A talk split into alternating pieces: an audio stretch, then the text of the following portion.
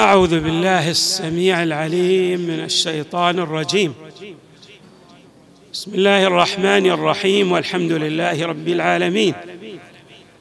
والصلاة والسلام على أشرف الخلق سيدنا ونبينا محمد وآله أجمعين الطيبين الطاهرين. قال الله تعالى في القرآن الكريم إنما يوفى الصابرون أجرهم بغير حساب. من أهم مكتسبات الصوم هو الصبر. الصوم يعلم المؤمن الصبر. وقد ورد في تفسير قوله تعالى واستعينوا بالصبر والصلاة. أي استعينوا بالصوم والصلاة. لا شك أن الصوم هو صبر بمعنى أن الصائم لولا أنه يصبر على ترك المفطرات لما تأتى له أن يصوم. اذا الصوم يشتمل في عمقه على معنى الصبر. ولعله لهذا الوجه فسرت الروايات فسرت الصبر بالصوم. واستعينوا بالصبر والصلاة أي استعينوا بالصوم والصلاة. تفسير جاء من أئمة أهل البيت صلوات الله وسلامه عليهم أجمعين. قلت كلمة في ذات مناسبة أن الإنسان من أعظم ما يتعلمه في الحياة أعظم درس. يتعلمه في الحياة. هناك دروس كثيرة جدا يتعلمها الإنسان في الحياة. ولكن من أهم وأعظم هذه الدروس أن يتعلم الصبر لأنه لا ينجح في كل مجال من من المجالات إلا إذا تعلم الصبر. ما في مجال من المجالات لا يحتاج فيه الإنسان إلى صبر. وكلما كان الإنسان أصبر كان أظفر بالنتائج. بمعنى أنه يطمئن يؤمن بأن النتائج في المستقبل ستكون في صالحه ستصب فيما يبتغيه سيحقق أحلامه بسبب الصبر. ولهذا جاءت الروايات تشرح لنا هذه المعاني المتعلقة بالصبر. عن النبي صلى الله عليه وآله والأئمة من أهل البيت وسنشير إلى بعض مما جاء في الروايات من حكم ومنافع وحيثيات هامة للصبر. الرواية هذه عن النبي صلى الله عليه وآله. يقول من أقل ما أوتيتم اليقين وعزيمة الصبر ومن أعطي حظه منهما لم يبالي ما فاته من قيام الليل وصيام النهار. ولئن تصبروا على مثل ما أنتم عليه أحب إلي من أن يوافيني كل امرئ منكم بمثل عمل جميعكم. شوفوا رواية عظيمة جدا. وفيها معاني جد عميقة. اولا يشير النبي صلى الله عليه وآله ويفصح عما ذكرناه من أن أهم شيء الإنسان يتعلمه في الحياة للنجاح والظفر والفوز بخيري الدنيا والآخرة الصبر. ومعه اليقين. ماذا يراد باليقين؟ الاطمئنان. بأن الإنسان إذا آمن بشيء يحاول أن يرسخ ذلك الشيء الذي آمن به. ويجعل ذلك الشيء لا يتزلزل. يدعمه.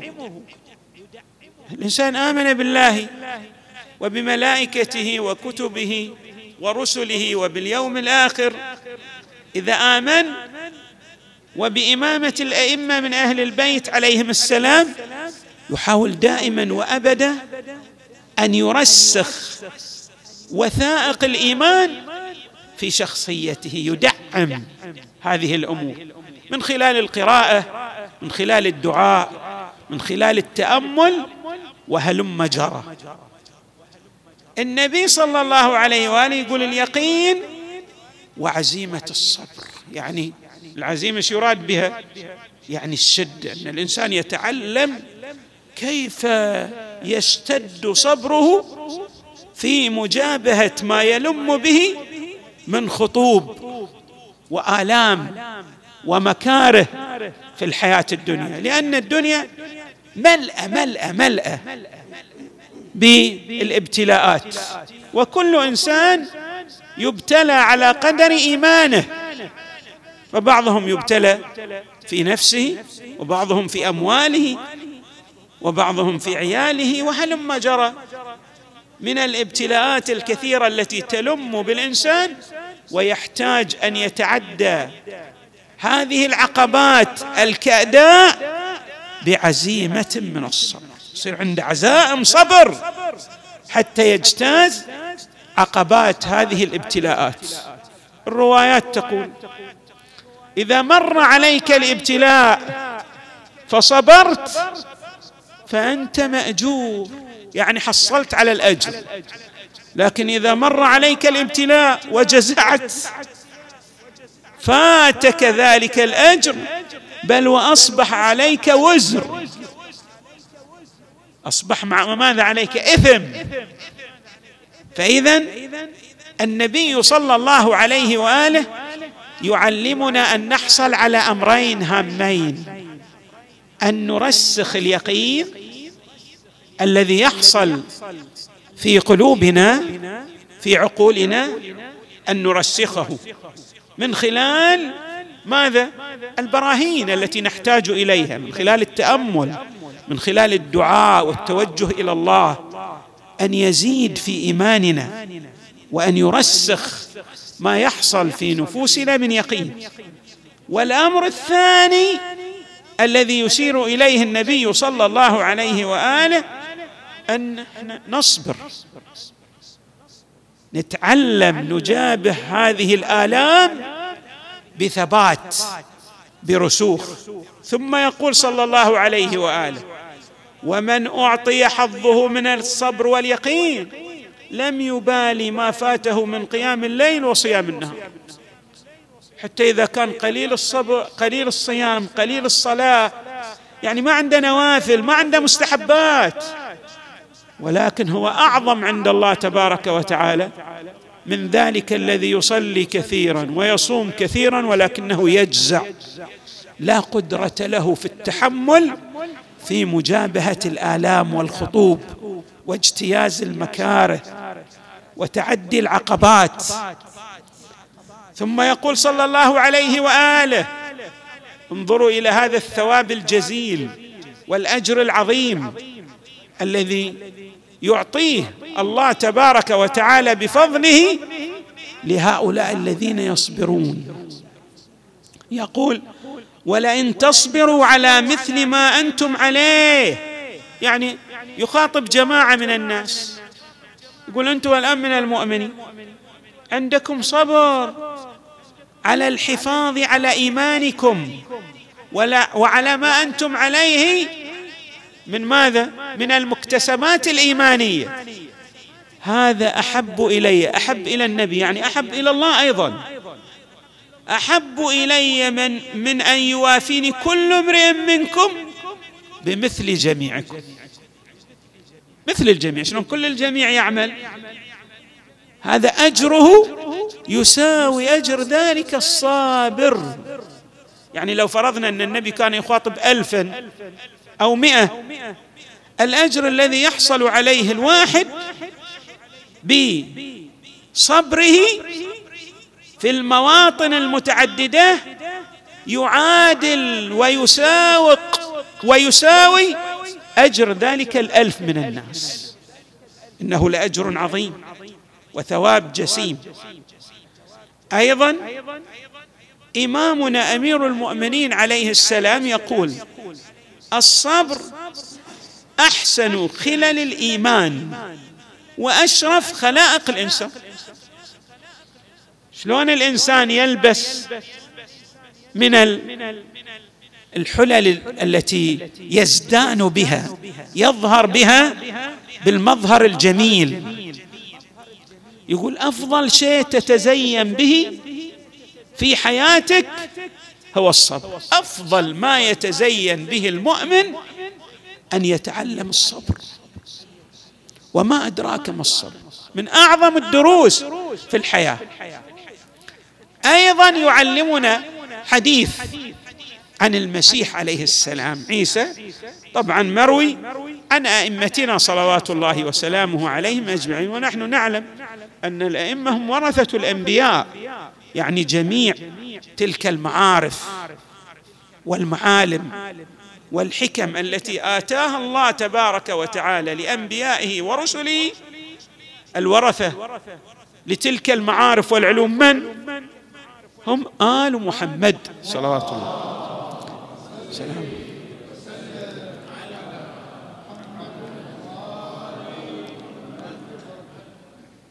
يقول عليه السلام المسيح إنكم لا تدركون ما تحبون إلا بصبركم على ما تكرهون.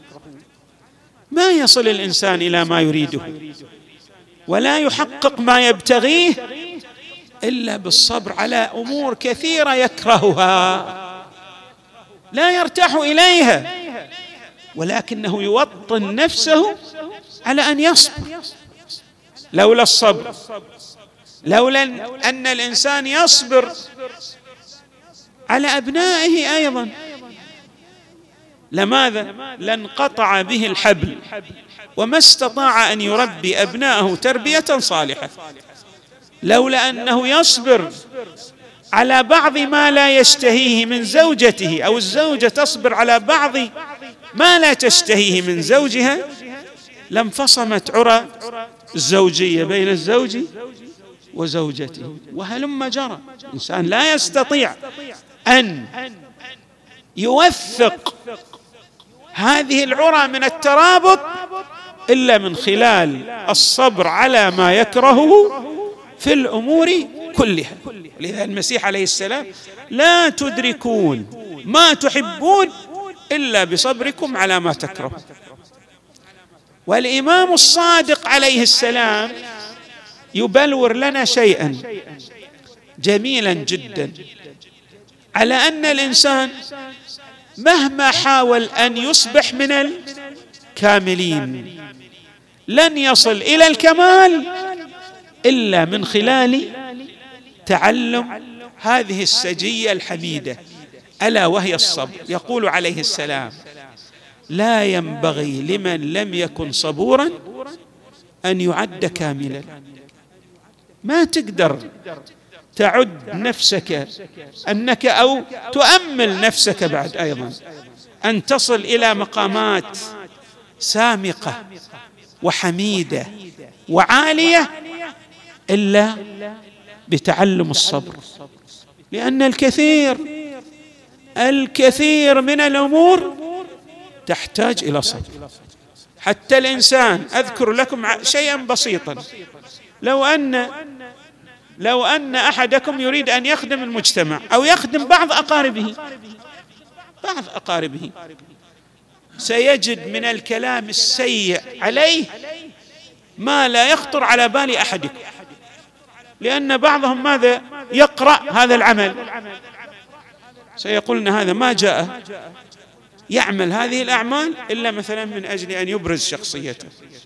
شخص آخر راح يقول هو له مآرب سيئة فقام بهذه الأعمال لكي يغطي على بعض من سجاياه وخصاله اللا محموده. وكل شخص يقرأه بقراءة ويفهم أعماله بفهم. فإذا لم يصبر ترك ذلك العمل الصالح. ولهذا القرآن يشير إلى النبي صلى الله عليه وسلم يبين للنبي صلى الله عليه وسلم. فاصبر على ما يقولون واهجرهم هجرا جميلا. لا بد أن تصبر كل واحد يقول لك شيء. في أفضل من النبي صلى الله عليه وآله في مواقفه المتعددة. النبي صلى الله عليه وآله هذا العمل الذي قام به إنه وزع الغنائم غنائم الطائف. فجاء له بعض من الأنصار. يعني باصطلاحنا بالاصطلاح الحديث من الصحابة. بعض الصحابة قال للنبي هذه قسمة لا يراد بها وجه الله. يعني أنت ظالم يا رسول الله. أنت نبي ولكنك ظالم. بعد في واحد يقدر يقول أفظع وأسوأ من هذا القول في وجه النبي صلى الله عليه وآله. والنبي تحمل ذلك بصدر رحب. وكانه لم يمر عليه شيء. وعالج الموقف بحكمة بالغة وبصبر جميل. بل لم يرد على هذه الإساءة إلا بالإحسان. اذا علينا أن نتعلم الصبر حتى في الكلام السيء الذي يقال ضد الأعمال التي نقوم بها من خيرات. علينا أن نتعلم الصبر وكأنه لم يحدث شيء. وكأن الذي يقال فينا وضد توجهاتنا هذه الأقوال كأنها مدح وثناء علينا. يعني لا نهتم بها. الذي يهتم بما يقال ضده هذا لا يمكن أن ينجز عملا جميلا. نسأل الله تبارك وتعالى أن يجعلنا وإياكم من الصابرين الكاملين الذين يسيرون على هدي محمد وآله الطيبين الطاهرين والحمد لله رب العالمين.